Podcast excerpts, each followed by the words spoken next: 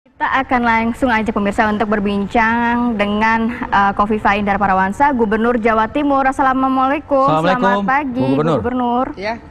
Ya. Assalamualaikum warahmatullahi wabarakatuh. Selamat pagi. Pagi, Bu Gubernur. Ini kan uh, mungkin kita sedikit mengupdate mengenai bagaimana nasib dari karyawan yang sudah uh, positif COVID-19. Kemarin sempat ada yang sudah diisolasi di hotel, namun justru ada yang uh, di apa ya dikeluarkan begitu ya, Vi ya. Kemudian saat ini bagaimana kondisi mereka?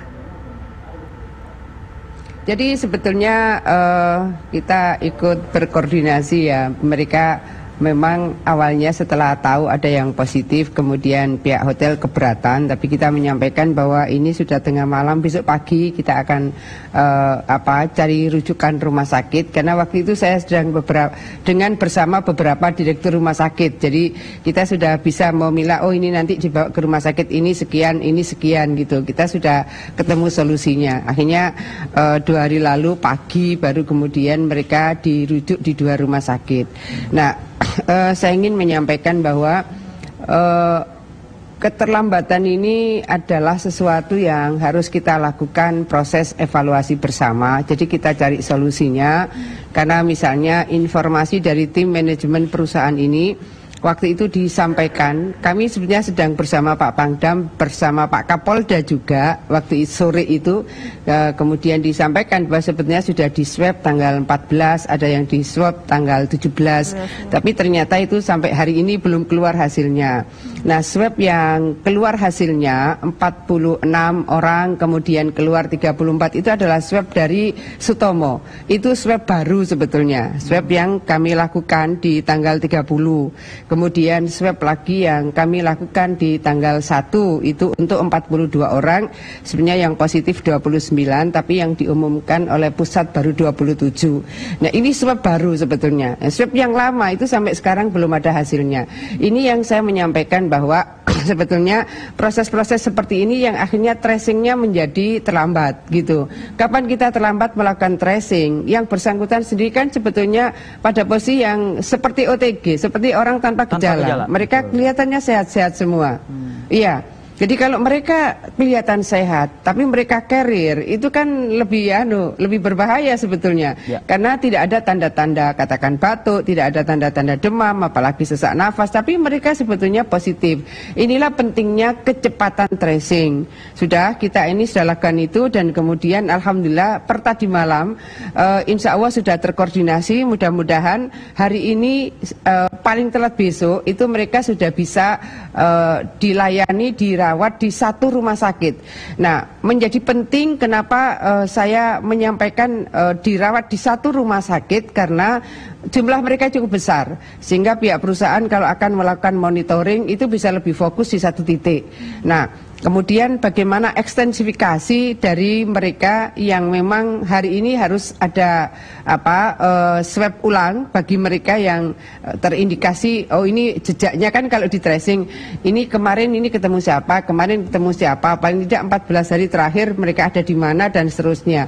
Nah ini memang harus di swab juga supaya ada kepastian bagaimana proses tindakan berikutnya harus diberikan kepada para karyawan ini. Hari ini juga tim tracing akan turun ke penduduk. Jadi memang kita bersinergi saja dengan Dinas Kota Surabaya. Misalnya mereka kan ada di beberapa tempat pemondokan. Di pemondokan-pemondokan itu saya rasa eh, tempat di mana mereka pernah mondok 14 hari yang lalu. Sama-sama masyarakatnya juga membutuhkan eh, apa kepastian posisi dari kesehatan mereka. Iya, jadi hmm, rapid test betul. juga menjadi bagian penting untuk tempat di sekitar pemondokan karyawan-karyawan itu. Iya. Bu Gubernur, eh, ini kan sebetulnya kan menjadi apa ya? Saya saya yang warga Jakarta aja melihat potret padatnya eh, arus lalu lintas tiap pagi, Bu. Dan kita eh, pekan lalu kan melihat tuh, Bu ya, di salah satu titik yang Mm-mm, eh, iya. biasa dijadikan eh, lokasi perlintasan. Bundaran baru, Eh, eh. iya. Rata-rata memang mereka kebanyakan ya bekerja di pabrik dan lain sebagainya. Eh, Iya. Apakah memang penjelasan dari pihak eh, pabrik ya Sampurna ini gitu? eh, mereka eh, apa Bu? Eh, tidak menerapkan shifting, tidak mengurangi jam kerja atau apa Bu? Jadi eh, ini kan ada dua sebetulnya ya uh, perusahaan mereka ini. Satu di Kalirungkut, satu di Sier. Hmm. Pada saat itu sebetulnya kami sedang melakukan pertemuan fokus untuk Sier, Surabaya Industrial Estate Rungkut. Karena ini yang rata-rata karyawannya lewat Bundaran Waru yang waktu itu sempat macet karena checkpoint yang kita mulai dari PSBB 28 April. Tapi kan terus besoknya kita urai menjadi 8 checkpoint, 4 untuk untuk roda 2, 4 untuk roda 4 dan alhamdulillah sudah lancar. Tapi kan yang kita ingin lakukan adalah misalnya satu manajemen PT Sier bisakah shiftingnya ditambah? Mereka mereka sepakat. Oke, shiftingnya menjadi empat shift. Kemudian berikutnya ada yang menyampaikan, sudah Bu kalau begitu kita ambil 30% kerja sehari di rumah, 70% di kantor. Ada lagi yang kemudian menyampaikan, kami juga punya Bu perusahaan di Sidoarjo dan Malang. Saya akan minta mereka tidak usah masuk ke waru, tidak uh, usah melewati bundaran waru sehingga mereka tidak perlu kerungkut tapi ke perusahaan kami di daerah Sidoarjo. Nah varian-varian dari perusahaan waktu itu kan ada Apindo juga, ada Siar dan ada perusahaan yang berbasis di Rungkut. Kita sebenarnya sedang mendiskusikan mencari solusi supaya terurai kemacetan di Bundaran Waru yang memang tiap hari sudah macet. Apalagi kemudian ada checkpoint, ditanya apa-apa dan seterusnya. Nah, hari pertama itulah yang menjadikan kita ketemu dengan kasus ini gitu. Karena waktu itu kita dapat informasi dari yang kali rungkut bukan yang sier sebetulnya. Sehingga yang kali rungkut ini sebetulnya sudah ditutup total menurut informasi mereka tanggal 27. 21-nya sudah mulai ditutup. Tapi tutup totalnya dari tanggal 27. Ini kali rungkut. Sehingga yang kita ingin lakukan tracing di penduduk sekitar ini adalah yang kali rungkut. Mereka yang mondok di sekitar wilayah uh, kali rungkut.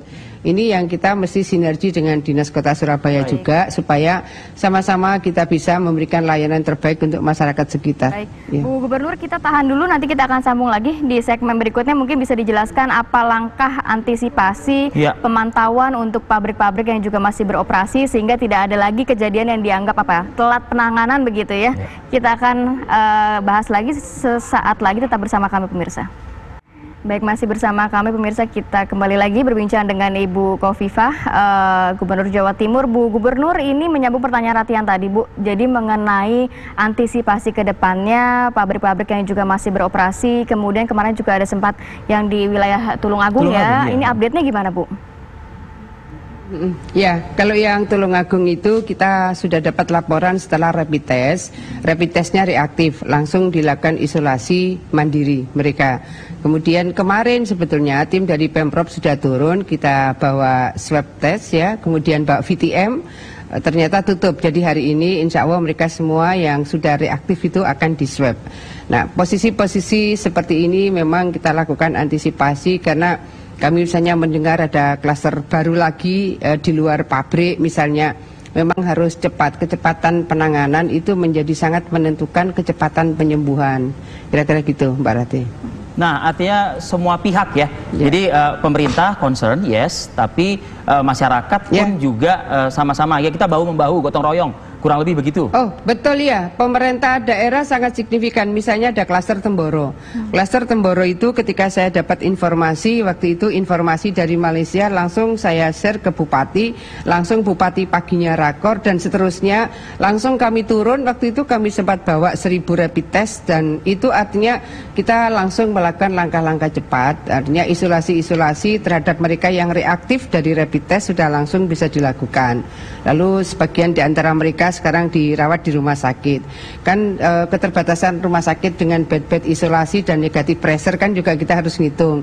Oh berarti ini harus didistribusikan di rumah sakit ABC. Kebetulan di apa radar COVID di apa punyanya webnya Pemprov ini sebenarnya kita berada di mana kita bisa klik gitu.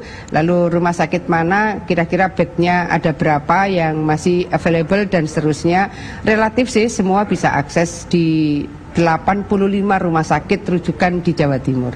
Ya. Sejauh ini untuk uh, tenaga ya. maupun juga perlengkapan, Bu. Tadi kan uh, kabarnya kan yang pabrik rokok ini kan ditempatkan di rumah sakit yang memang sudah tidak beroperasi. Hmm. Nah, bagaimana ya. dengan kelengkapan ya. APD uh, eh, dan lain sebagainya? Apakah perlu ada ya. donasi-donasi ya. tertentu, Bu? Uh, uh, ya, Jadi sebetulnya kalau APD kami sebetulnya hari ini sangat cukup hari ini ya sampai dua minggu ke depan insya Allah cukup. Tetapi saya kan tidak mau gambling, maka kita juga mendatangi pabrik tekstil. Kemudian saya sendiri datang ke pabrik konve konveksi hmm. yang saya minta konversi dari produk konveksi ke APD. Hmm. Nah untuk itu juga sebetulnya kan hari ini uh, puasa yeah. banyak sekali sebenarnya masyarakat ingin bersedekah hmm. atau mungkin banyak diaspora ya di berbagai negara di dunia juga ingin memberikan supportnya. Hmm. Tapi dengan cara yang simple mereka sebenarnya bisa menjalankan uh, apa pola solidaritas sosial itu bisa dilakukan dengan sangat simple.